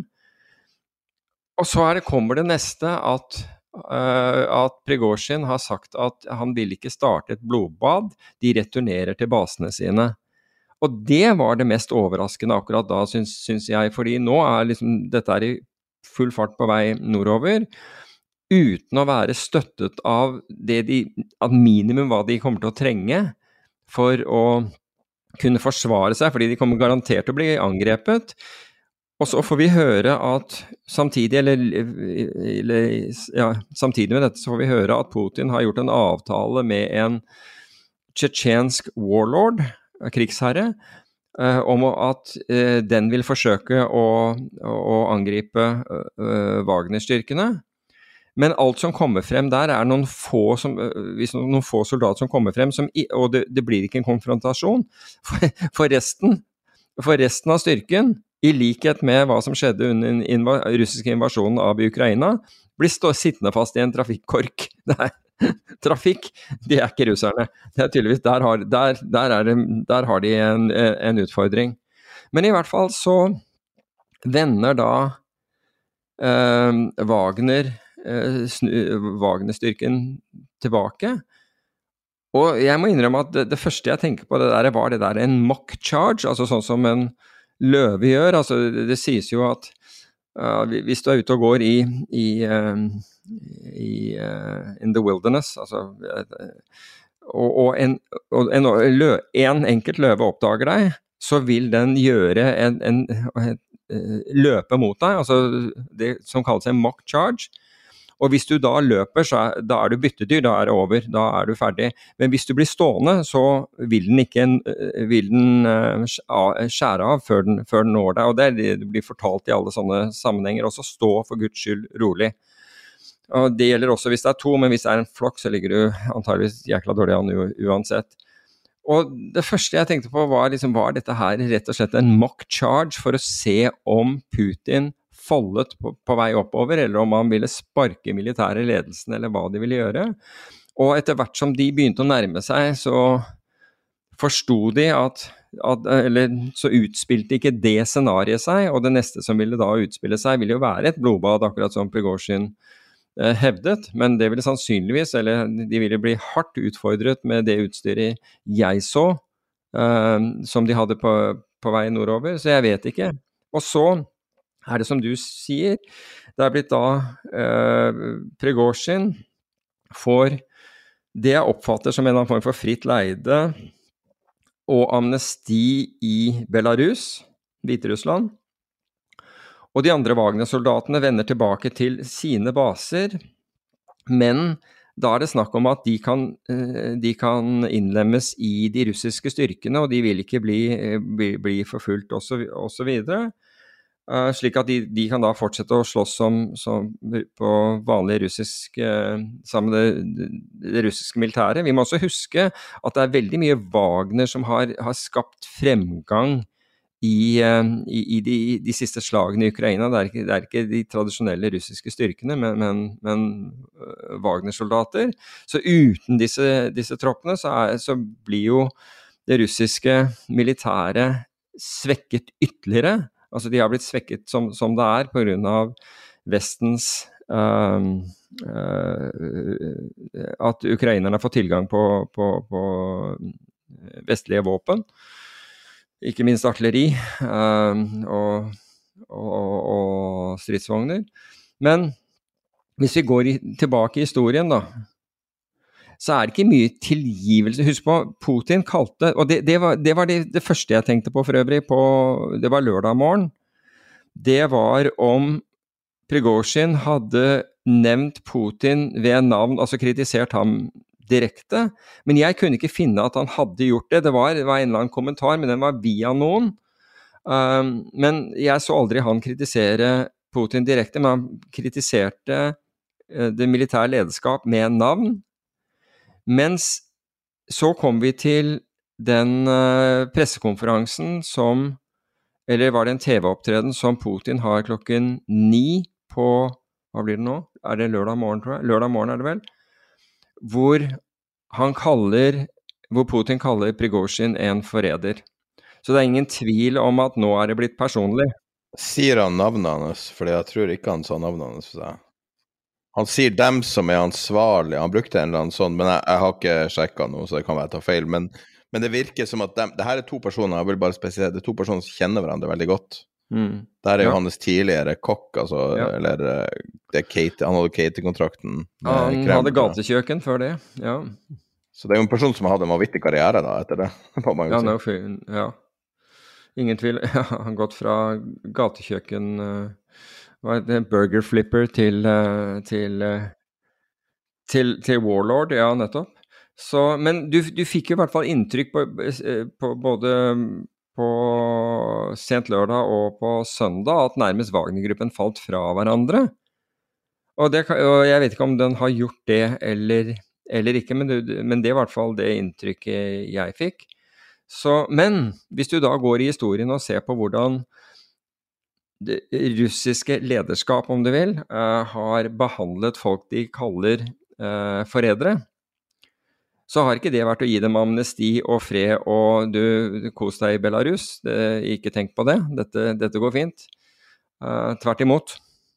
Så jeg tror jo mildt sagt at Prigozjin går en usikker tid i møte uansett. Altså, jeg kan ikke tenke meg annet enn at uh, Lukasjenko han er, han er nær Putin.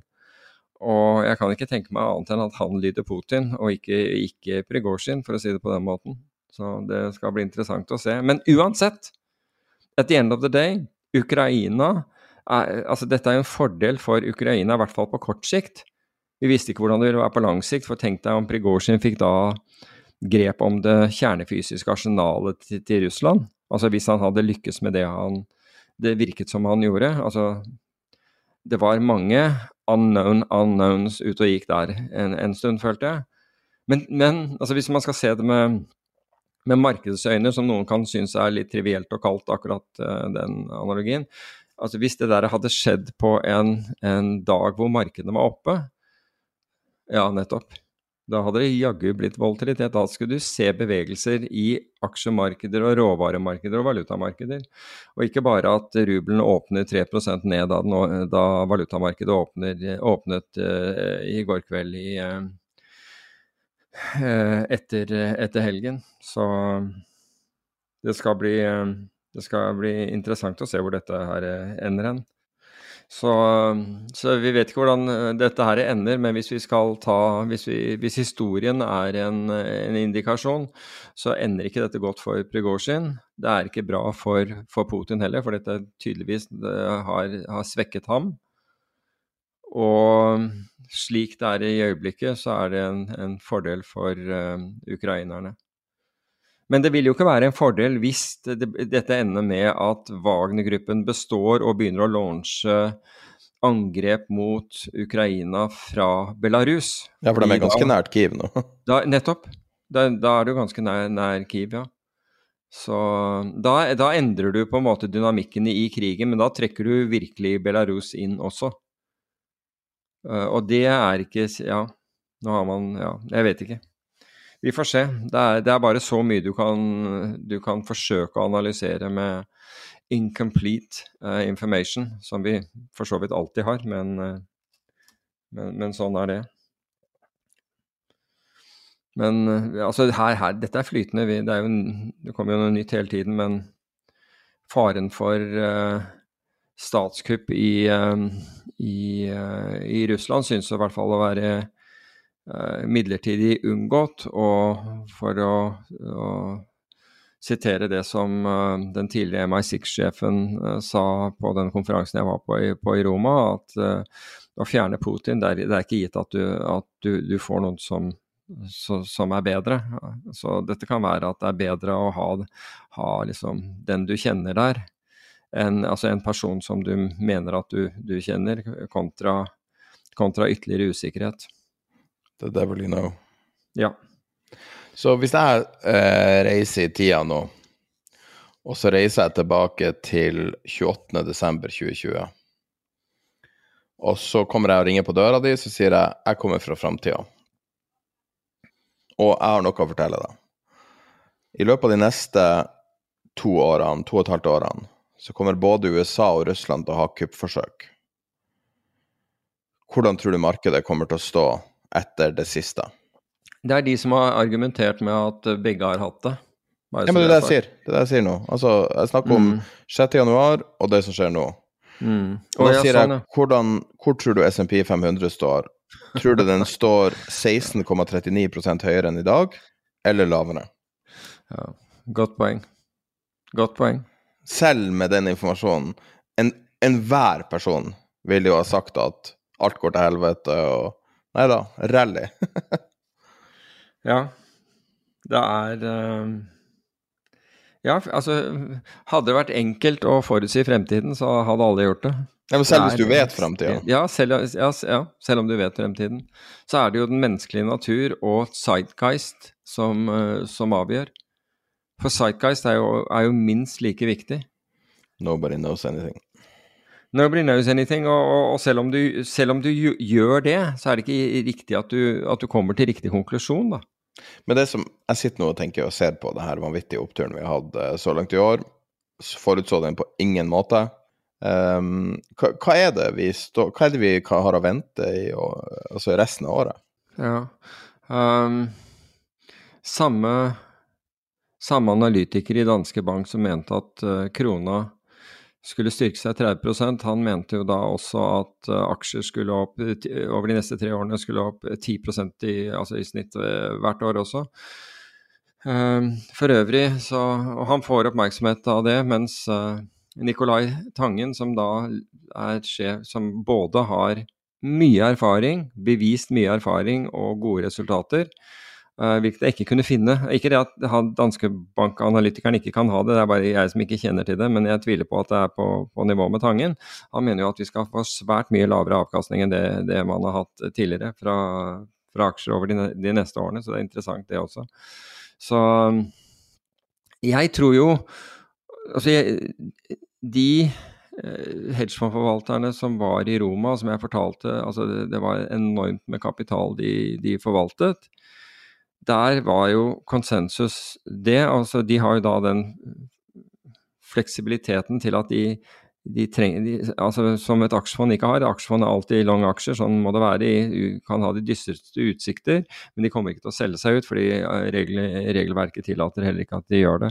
Men, men vi ser jo at de har, altså de aller fleste av dem har tjent penger i år, men de tjener ikke pengene, de er ikke avhengig av retningen på markedet. Så, altså, så summa summarum, hva gjør du hvis, du hvis, du opplever stor grad av usikkerhet på hva som skal skje med markedsretningen?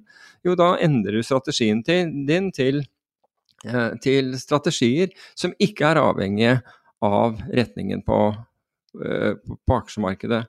Verre, altså, det er jo, verre er det jo ikke.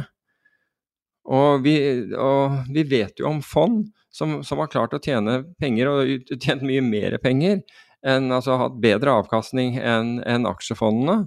Selv i tider hvor, hvor, hvor, aksjemarkedet har gått oppover, og hvor disse fondene som jeg nevner, ikke har hatt, uh, hatt eksponering mot retningen av markedet. Så det er jo egentlig bare snakk om at vi porteføljeoppbygging. ikke sant? Altså Diversifisering er regnet som den eneste gratis lunsjen i finans. Og diversifisering må da være med aktiva som ikke er avhengig av, av de andre aktivaene. som du, altså utviklingen i de andre aktivaene. Det er, jeg syns ikke at det er verre enn det, for å, for å si det på den måten. Og så må du være flink til å, å plukke dette her, eller ha, en, ha gode rådgivere til å, uh, til å, hjelpe deg. Det er uh, Nå tar jeg vinnerne i år. Og så tar jeg All. Og så tar jeg prøver å sammenligne det med logoen til Tid penger. Som er basert eh, på alle historiens bobler. Mm. Slått sammen til én graf. Og selv om det ikke er én til én, så er det unektelig et ganske likt mønster i de her. Eh, med noen unntak, da. Uh, og det at både Nvidia og Facebook ser litt annerledes ut, men har den grunnleggende samme dynamikken, da. Mm -hmm. um, det er nesten rart, det der, hvordan Uansett hvordan aksjene er Nå tok jeg sorterte jeg på vinnere, og så tar jeg bare og kjører all og sammenligner okay. i den pengelogoen. Det er veldig mye som ligner. ja. Det er rart, det der. Det er rart hvordan for det her er jo basert på eh, Altså den indeksen som har blitt vår eh, logo, er jo basert på eh, på eh, børsboble tilbake til 1600-tallet, tror jeg. Mm. Altså, eh, jeg husker ikke når South Sea Bubble var, men Men det er jo ikke så rart heller, fordi det er jo det der at folk kjøper det som historisk har gått best. Og det, og det, får også mest, mest omtale, slik at folk, da hiver folk seg inn. Og det er, det er, nye folk som Altså, det som driver markedet, er jo ikke de første som har, har kjøpt dette her og, og, og, da det var billig, men det er faktisk de som overtar og kjører det videre og kjører det videre og kjører det videre. Og det dessverre den gruppen ofte ikke tenker på, er at de, de har en vesentlig større risiko enn de som, de som, kjøpte det tidligere. Men da er det jo blitt en sånn opplest og vedtatt Vi snakket om etablerte sannheter ved, ved innledningen til denne episoden. Um, at det er blitt en etablert sannhet, så de tror ikke at det er mulig at dette faller. Og derfor så sitter de og, og, og kjøper dette her, og så blir de gang på gang på gang skuffet. Men er det noe man skal hedge? Er det her tidspunktet når vi har hatt et vanvittig start på året? Det er billigere å hedge nå enn det har vært på mange år for å si det på den måten. Så Hvis du sitter eksponert i dette, her, så kan du gjøre forskjellige ting. Og Vi har snakket om det. Du kan lage college à la det som JP Morgan øh, øh, opsjonsstrategien som de gjentar hver, hver eneste måned, måned. ikke sant? Du kan, du kan utstede en, en, La oss si at du sitter på Ta, ta Nasdaq, da. Uh, og Nasdaq er et godt eksempel nå. For hvis Nasdaq ikke faller tilbake nå, altså før månedsslutt, så blir, det, så blir dette det beste halvår noensinne i Nasdaqs historie. Og folk som sier at du ikke sier positive ting, her har du en. ikke sant? Det blir det, blir det beste første halvåret i Nasdaqs historie. Det er, det er da altså Hvis du ser på det totalt sett, så er det kun fem år hvor Nasdaq har steget 20% eller mer i de første seks månedene. Så det er superbra. Så la oss si at du, du satt da med en portefølje, du er så heldig at du har fått med deg den, den, den oppgangen som da har gitt deg bare 36 eller, eller hva det er, uh, på Nasdaq tidligere i år. Så kan du gjøre en sånn ting som, å, som, som denne uh, JP Morgan-opsjonsstrategien. Utstede en kjøpsopsjon som ligger over der kursen er nå. Så, så hvis kursene går oppover, så får du glede av videre oppgang helt opp til innløsningskursen på den, og da må du gi fra deg den. Da, da kan du alltid kjøpe den tilbake igjen, um, eh, men da får du glede av den oppgangen frem til dit. Så tar du det du får for, uh, for, for uh, i premie for denne opsjonen, og så kjøper du da en litt ut av pengene salgsopsjon, altså en salgsopsjon som er litt lavere enn der vi er i dag, og utsteder en som er enda lenger ned. Og dermed så har du beskyttelse mellom disse, disse to nivåene. Og da, da, har det ikke kostet deg noe å, å, gjøre dette. Eller du kan gå og kjøpe deg en opsjon til nedsiden. altså Bare gå og kjøpe deg en opsjon til nedsiden. Gjøre, altså Det er forskjellige ting du kan gjøre som beskytter den, den porteføljen. Men poenget mitt er at dette er en av de mest gunstige i premie, altså hva du må betale for å forsikre. Så det er nesten som å altså, Hvis du sier at far, faren har økt, nettopp fordi markedet har steget og alt mulig sånn, det, det, det alene ikke, betyr ikke nødvendigvis fare, men du kan si at det er så mye usikkerhet i verden, det er, det er hva som helst. Dette er som noen tilbyr deg den billigste brannpremien du, du kunne tenke deg. Altså, du, du, du får rabatt på brannpremien på huset ditt, samtidig som det kommer en gjeng med, eh, gående med fakler opp i gata par pyromaner med fakler. Så attraktivt er det egentlig å beskytte seg nå, hvis du, hvis du, trenger det. Hva er den beste måten å beskytte seg for å få Altså, det er ikke helt given at du vil ha maksimal oppside nå. Fordi at det er uavklart. Det er jo absolutt ikke et sånn tydelig situasjon. Nå står vi på kanten av stupet. Men et rally som føles helt feil, som er tynt, er ikke en det er, det er, ikke noe som bygger um, tillit. Altså Det som mange gjør, er jo, er jo, at de utsteder kjøpsopsjoner for å prøve å få noen prosenter ekstra. Men det beskytter deg kun med, med det du får inn i, i, i, premie. Det er den eneste beskyttelsen du har til nedsiden. Så det vil jo ikke hjelpe hvis du får en sånn en, en korreksjon tilbake. Men la meg gå litt lenger når, når det gjelder den der, eh, statistikken på, på, Nasdaq, at det kun er fem år med, hvor Nasdaq har steget mer enn 20 De, eh, det, det første, I årets første seks måneder. Fire av de fem årene hvor dette skjedde, ble, det, e, ble etterfulgt av betydelig nedgang samme år. Og en av de verste av dem var 1987. Så i fire av fem tilfeller hvor, hvor uh, Nasdaq har gjort det den nå gjør, har medført en, en kraftig nedgang i, andre, eh, i det andre halvdelen av, av, året. Så jeg mener Betyr det at du er sikker på at det kommer en korreksjon ned nå? Nei, jeg er ikke det i det hele tatt. Men det koster deg mindre å beskytte deg nå enn det har gjort noen gang. Du kan gjøre ting som backspreads, altså hvor, hvor du har minimal, eh, minimal eller ingen Eh, eh, netto premieutbetaling.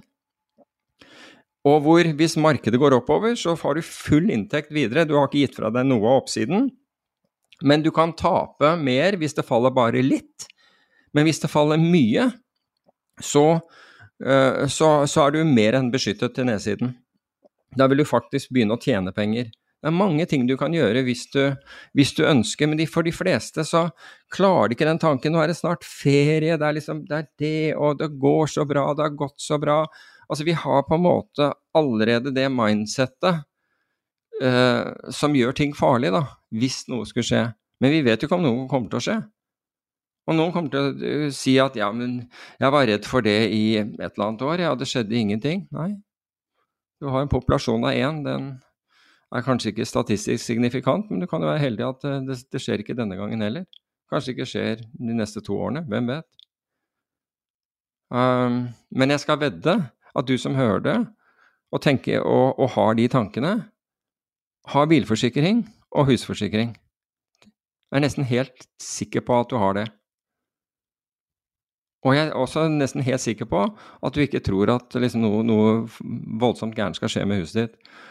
Og at du ikke tenkte at på slutten av, av, av fjoråret, eller når forsikringen din kom til, forny, til, fornyelse, det var noe ordentlig dritt at huset mitt ikke brant ned i fjor. Jeg har betalt så mye premie. Du gjør ikke det, vet du. Du bare tenker helt annerledes når det, når det gjelder penger av en eller annen grunn. Men sånn er vi. Det er sånn vi er som mennesker. Hørtes det dystert ut? Det var ikke meningen, det var egentlig bare meningen å få frem et poeng. Nei, men det som høres dystert ut, er tema fire du har skrevet inn, som er vekttrening og dødelighet.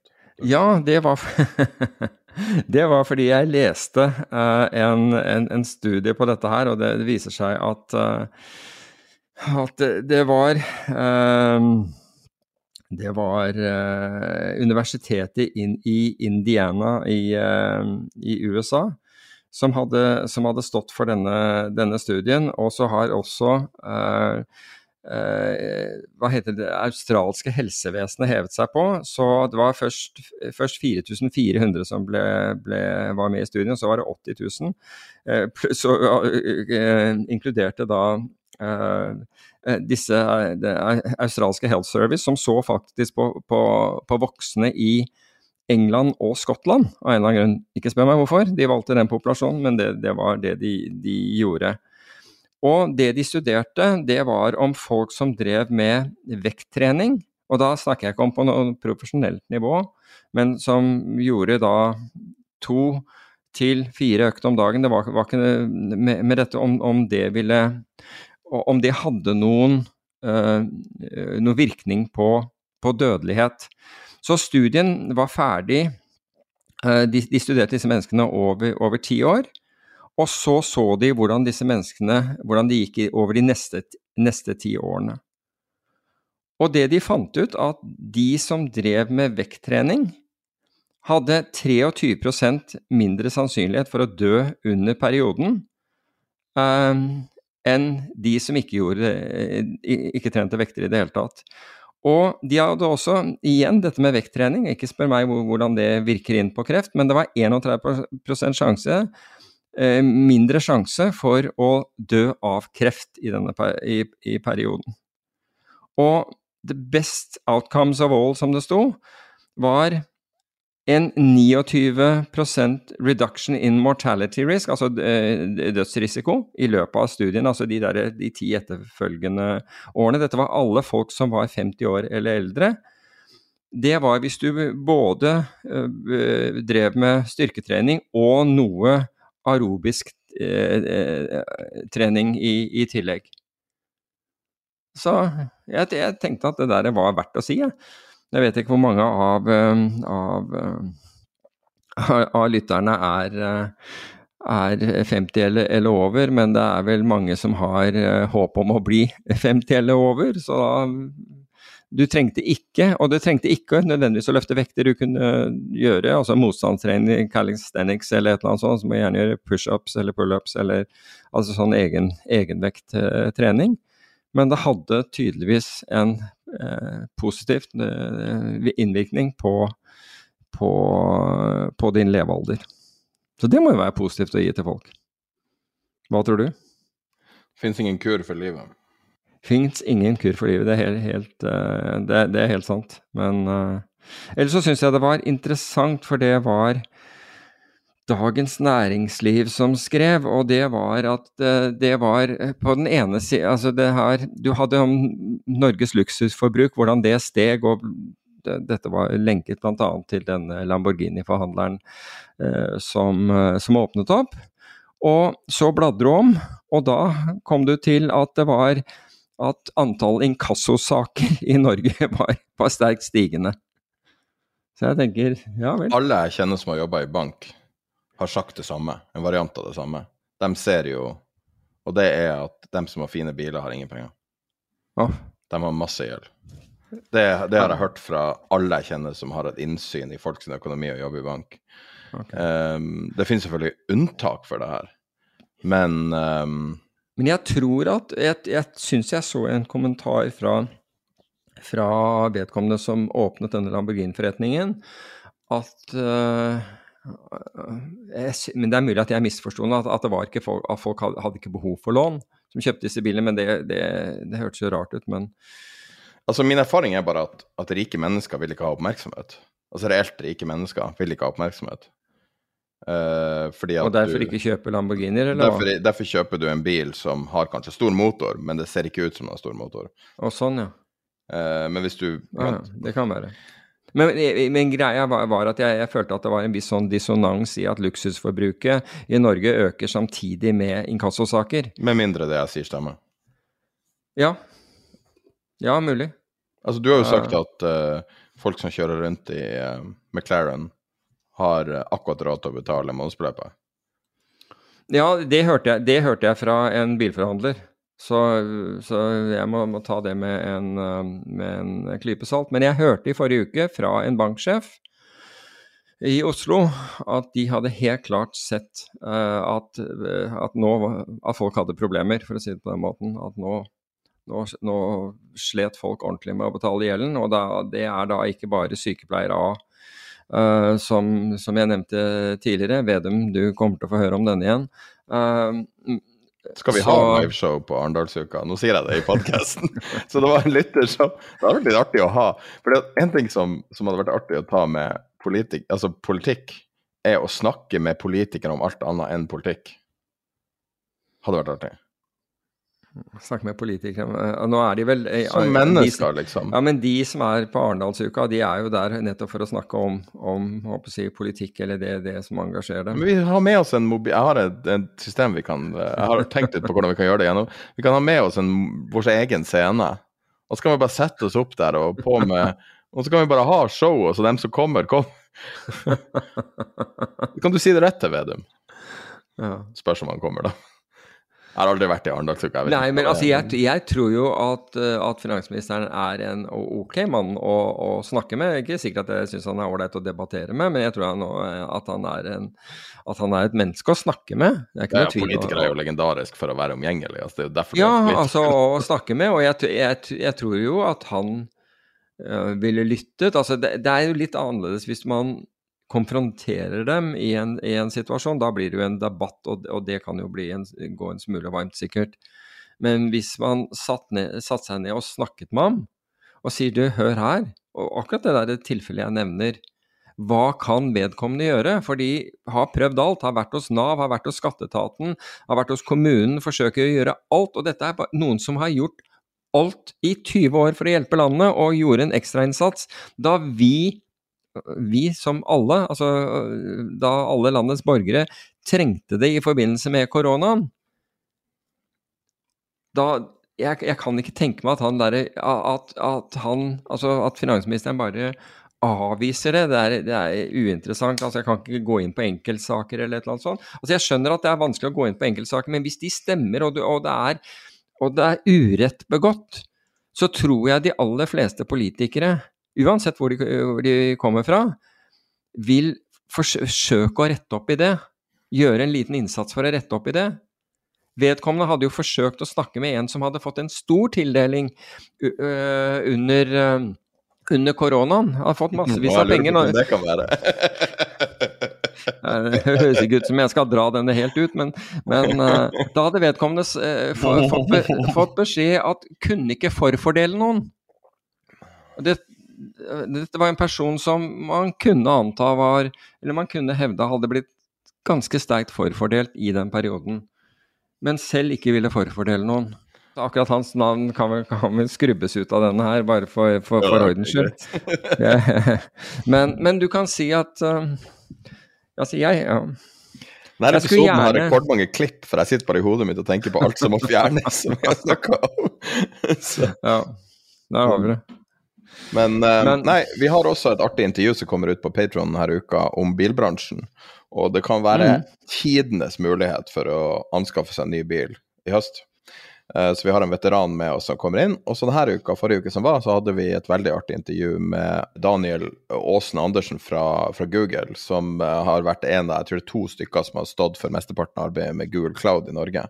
Og han har utrolig mye kunnskaper, utrolig mye eh, reflekterte meninger om det som skjer på hvert fall, tre-fire forskjellige ledd som vi kom inn på i den diskusjonen. Så vi legger et lite klipp av det intervjuet i slutten av denne episoden, og hele er på Patreon. Ja, jeg har jo jeg har det privilegiet at jeg har fått høre begge eh, før lytterne. Og jeg må si for egen del at jeg lærte, jeg, jeg lærte noe av begge. Eh, så jeg syns det var veldig ålreit. Godt, godt, jobba med, med, med, begge to. Men da tror jeg vi uh, bare går i gang med, med å avslutte episoden, og så da starter klippet med Daniel fra Google ha ei eh, fin uke, fin sommer osv. Vi tar ikke sommerferie, så det kommer til å være episoder gjennom hele sommeren. Det er bra ha en god uke og en fortsatt fin sommer.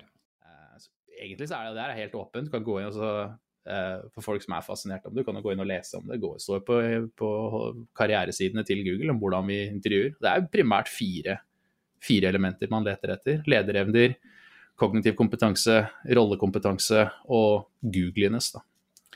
Um, og så er det avhengig av rollen din, da. Så er det en lang prosess eller en kort prosess. For meg så var jeg vel intervjuer i et par Det tok jo en stund. Det tok vel tre måneder med intervjuer eller noe sånt, tror jeg.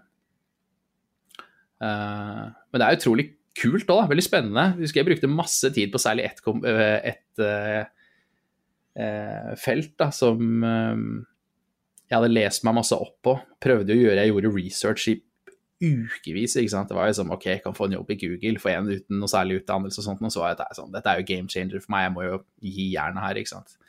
Så uh, leste masse, da, og da leste jeg sånn Ja, det de er glad i der, da. Uh, og som for så vidt vi er, altså, det er vi jo glad i. Det er jo folk som kan forklare komplekse ting på enkle måter. Det er til, altså, Et av de største subredditene er jo akkurat for dette her. E, Eli5, explained like I'm five. Hvor folk går og skriver Kan noen forklare det er altså grunnen til at jeg nevnte det intervjuet jeg gjorde i fjor også. Jeg synes det er kult å høre på Tid er penger. Fordi man kan, og høre, man kan høre på noen som kan noe veldig komplekst, og som kan forklare det på en forståelig måte. Og det er, det er et tegn på intelligens. da. Så jeg brukte masse tid på dette her i Google. Nei, før jeg intervjua i Google. Og blant annet leste meg på sånn ah, Hva er det som er sånn kult teknisk som jeg kan forklare for noen sånn, altså, uh, til en som ikke forstår? Og blant annet brukte tid på lese meg på jeg er jo glad i, i bl.a. litt gaming eh, og sånt nå, da. Så leser meg på sånn eh, hvordan audiodesign funker i, i moderne spill. Da. Og det er jo uh, ganske kult, for det er jo dynamisk, ikke sant. Det er en komponist som lager eh, tusenvis av små klipp som alle passer inn i hverandre. Så putter man det inn i en algoritme som splicer det sammen basert på hva som, det som skjer på skjermen, sånn at du får dynamisk lyd. Så jeg satt og forberedte en sånn presentasjon på det og sånn. Så var det ingen som spurte om det. Jeg fikk aldri den greia der. Jeg brant jo inne med det, og jeg ble jo ordentlig lei. Men, um, nei, men det er en interessant prosess altså, å være i, i sånne intervjuer hvor du sitter i sånn panelintervju, sitter med fire mennesker foran deg som bare gir deg ene spørsmålet var husker jeg var utrolig, utrolig kult. Da var jeg bare Altså Hvordan ville du designa Hvordan ville du designa Netflix? Hvis du skulle bygge Netflix i dag? Var det spørsmålet du fikk? Ja. Ett av de. Spennende. det er bra spørsmål, da. Så får du en tusj.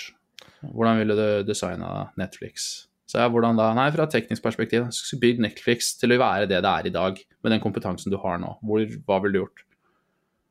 Nei, da hm, Godt spørsmål. Må du ta tusjen, da, så må du bare starte et sted. Nei, du trenger vel noe nettverk, da. Du trenger noe minne, du trenger noen disker. Du trenger Ja, OK, kanskje jeg ville brukt så ja, jeg ville brukt, ville brukt virtuelle maskiner, eller jeg kanskje bygd mikrotjenestearkitektur. Så står du og tenker høyt, da. Så står du der i to timer og tenker høyt. Så det er jo, For de som syns sånt er gøy, så er det jo Jeg, jeg syns det er gøy. ja, ikke sant. Og da er jo intervjuprosessen da er jo utrolig kul. Eh, fordi det er så det er ordentlig Ja, du får trent hjernen, da. Um, og det er litt så vanskelig å forberede seg til, for det er litt sånn Man leter jo etter kanskje en spesiell type folk, da. Folk som Det er et ganske kult prinsipp, da, men man leter jo ikke etter mer av det samme, men man leter etter folk som kan være med å ta det videre. Det er et sånn kult prinsipp som man snakker om da, med sånn culture ad versus culture fit. Og man leter ikke nødvendigvis etter folk som tenker det, ikke sant, at nah, vi leter etter andre sånne raringer med propellhatt. Sånn, det er jo ikke det man leter etter i det hele tatt. Hadde man bare ansatt det, så hadde man jo bare blitt stående på stedet hvil. Du må jo ha folk som passer og kan ta det videre. Og det er jo prinsippet generelt, da. Så, jo, men det er klart, det var jo interessant å liksom, sitte på et fly til Irland og gå inn på det der enorme kontoret vi har i, Det var utrolig stressende. Ja, det skal jeg vel ærlig innrømme at jeg var vel eh, Følte meg ikke så veldig stor. Og så er jo det er jo ganske kult, for det, jeg kjente en som jobba der borte. En svenske. Um, og uh, uh, du får jo ikke gjøre intervju, du blir aldri intervjua hvis du kjenner noen. Så det er jo så morsomt med intervjuprosessen, er at uh, intervjuer kan jo være veldig prega av bias, selvfølgelig. ikke sant? Så den som skal være din leder, vil aldri intervjue deg. Det nærmeste teamet kan være med å intervjue, um, men aldri nærmeste leder eller ledersleder. Fordi det skal ikke være noen insentiver til å Altså, du skal ikke ha muligheten til å presse gjennom noe, f.eks. Det skal være en demokratisk prosess å, bli, å få ansette noen. Men uansett, da, der var det han svensken her. Da. Han, eh, når jeg skulle fly hjem igjen, så var jo han på samme fly. Måtte, det var jo Google som booka flyene, så jeg fløy ikke direkte fra Irland, fløy via, via København. Og så var han på flyet, og da satt jeg hele flyturen over og tenkte sånn dette her er en del av intervjuet. Det er jeg, jeg er helt sikker på. er det en test? Dette er Intervjuet er ikke ferdig, så jeg var så flink gutt på det flyet. Jeg satt og holdt skravla gående om teknologi, og han har jo sagt i ettertid, for han jobber jo i selskapet fortsatt, nå jobber han borte i San Francisco, han har jo sagt det at han bare han, han hadde lyst til å spørre liksom, går det bra med deg, eller? Hva, du er jo helt ute av deg, liksom. Hvorfor er du så på? Uh, men jeg var jo helt sikker på at nei, dette her er jo Det er sånn de gjør, ikke sant. For da får de se hvordan folk er i andre settinger. Så nei, det var interessant. Så, men det gikk jo bra, da. Så jeg fikk jo, fikk jo jobben og har jo hatt masse ulike roller i Google siden den tid. Jeg har jeg hatt. Hva jeg så sist, jeg har hatt på de sju åra, så har jeg hatt tolv forskjellige ledere. Eh, og fem forskjellige roller. Og eh, det er jo primært fordi selskapet er i konstant endring, da.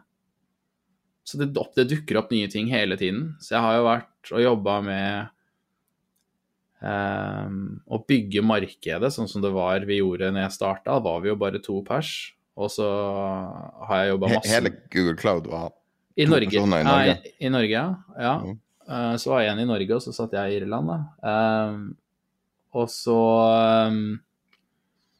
bruk, har jeg brukt mange år på, på arkitektur, løsningsarkitektur. For det er jo det som kanskje er bakgrunnen min, er jo teknologi sånn sett. Så jeg brukt mye tid på det også. Har vært med å fått være med å designe og bygge mye kule løsninger for mye rart i Norge. Altså hos store norske etater og store norske børsnoterte selskaper, men også kanskje det aller kuleste er jo å jobbe med startups, da, syns jeg. Eh, For det er jo de som det er, altså, det er der bleeding edge er, ikke sant. Eh, De som er født i skyene og litt sånt nå. Eh, Så jeg har brukt mye, fått, fått muligheten til å gjøre veldig mye, da. Og det er jo det som har ja, vært veldig kult med Google. Er jo, altså, det er den veksten, ikke sant. Det er Er Ja. cloud noe Altså, kommer vi til å vokse inn i, i himmelen, sånn sett um, For det, det er jo hele tida det tveegga sverdet med uh, hva som er mulig. Altså uh, kost-nytte hele tida, eller, eller guns and butter, eller hva det er. Altså, Det er en sånn vanskelig prioritering. Hvordan ser bildet ut nå kontra for to år siden? Har det endra seg for en bedrift? Hvordan de prioriterer, hvordan de tenker? Eh, hvordan, hva dere må levere utenom AI, hvis du bare tar det bort, men sånn Ja, ja AI er jo, veldig, er jo fortsatt ikke drevet så veldig mye av eh, forretningskritisk helt enda, tror jeg. Men, eh, men sånn, på det andre aspektet, hvis du tenker på sånn sky og på det jeg jobber med, og, altså på det nivået der, så er det jo man snakker om kritisk infrastruktur. ikke sant? Eh, du snakker jo om å flytte fra et datasenter du kanskje har eid selv, eller via en lokal leverandør, til da Google sin sky. da. Eh, det er klart at det har vært noen endringer i sentiment og appetitt, tror jeg, på kundesiden de siste fra på en måte i hvert fall eh, i fjor til i år. Men, eh, men eh, pandemien var vel, altså For alle som jobber med teknologi, vil vel si det samme. Var jo virkelig sånn Det kasta jo hele Forretnings-Norge ut i bare sånn Nå er du i den dype enden av bassenget. Eh, hvis ikke systemene dine skalerer nå, hvis de ansatte ikke får til å jobbe hjemmefra fordi en eller annen VPN ikke funker, da, da stopper det opp, ikke sant. Så jeg tror jo for vår del så har det jo vært bare selskaper har bare, Norske selskaper har bare sett at dette her er bare noe vi må i gang med først som sist. Da. Og det er jo En del er jo det er jo et veldig transformativt skift både på teknologisiden, men også på hvordan du, altså finansaspektet av det også. Hvordan du altså bokfører kostnad. Det ene er jo eie, og så går du over til å leie. ikke sant? Du eier jo ikke noe i skyen. Eh, du eier jo dataene dine, men du eier jo ikke på en måte serveren. Den er jo pay as you go. Eh, som selvfølgelig har en Du skriver jo det på en annen måte. Det er jo operasjonelle kostnader. Eh, det er jo ikke noe investeringskostnad på den måten. Og det tror jeg nå Altså finansdirektørene har begynt å skjønne også. Altså, det har vel vært en verden som har vært vant til å kjøpe inn, budsjettere. Hvor mye penger trenger du til neste år for å drive IT? Nei, jeg trenger så mye. Ok. Nå er jo, det er vanskelig å si, da. Ja, det kommer jo helt an på da, hvor mye vi skal bruke. Hvor mye skal vi utvikle? Så det er jo klart at det er jo et veldig transformativt skift.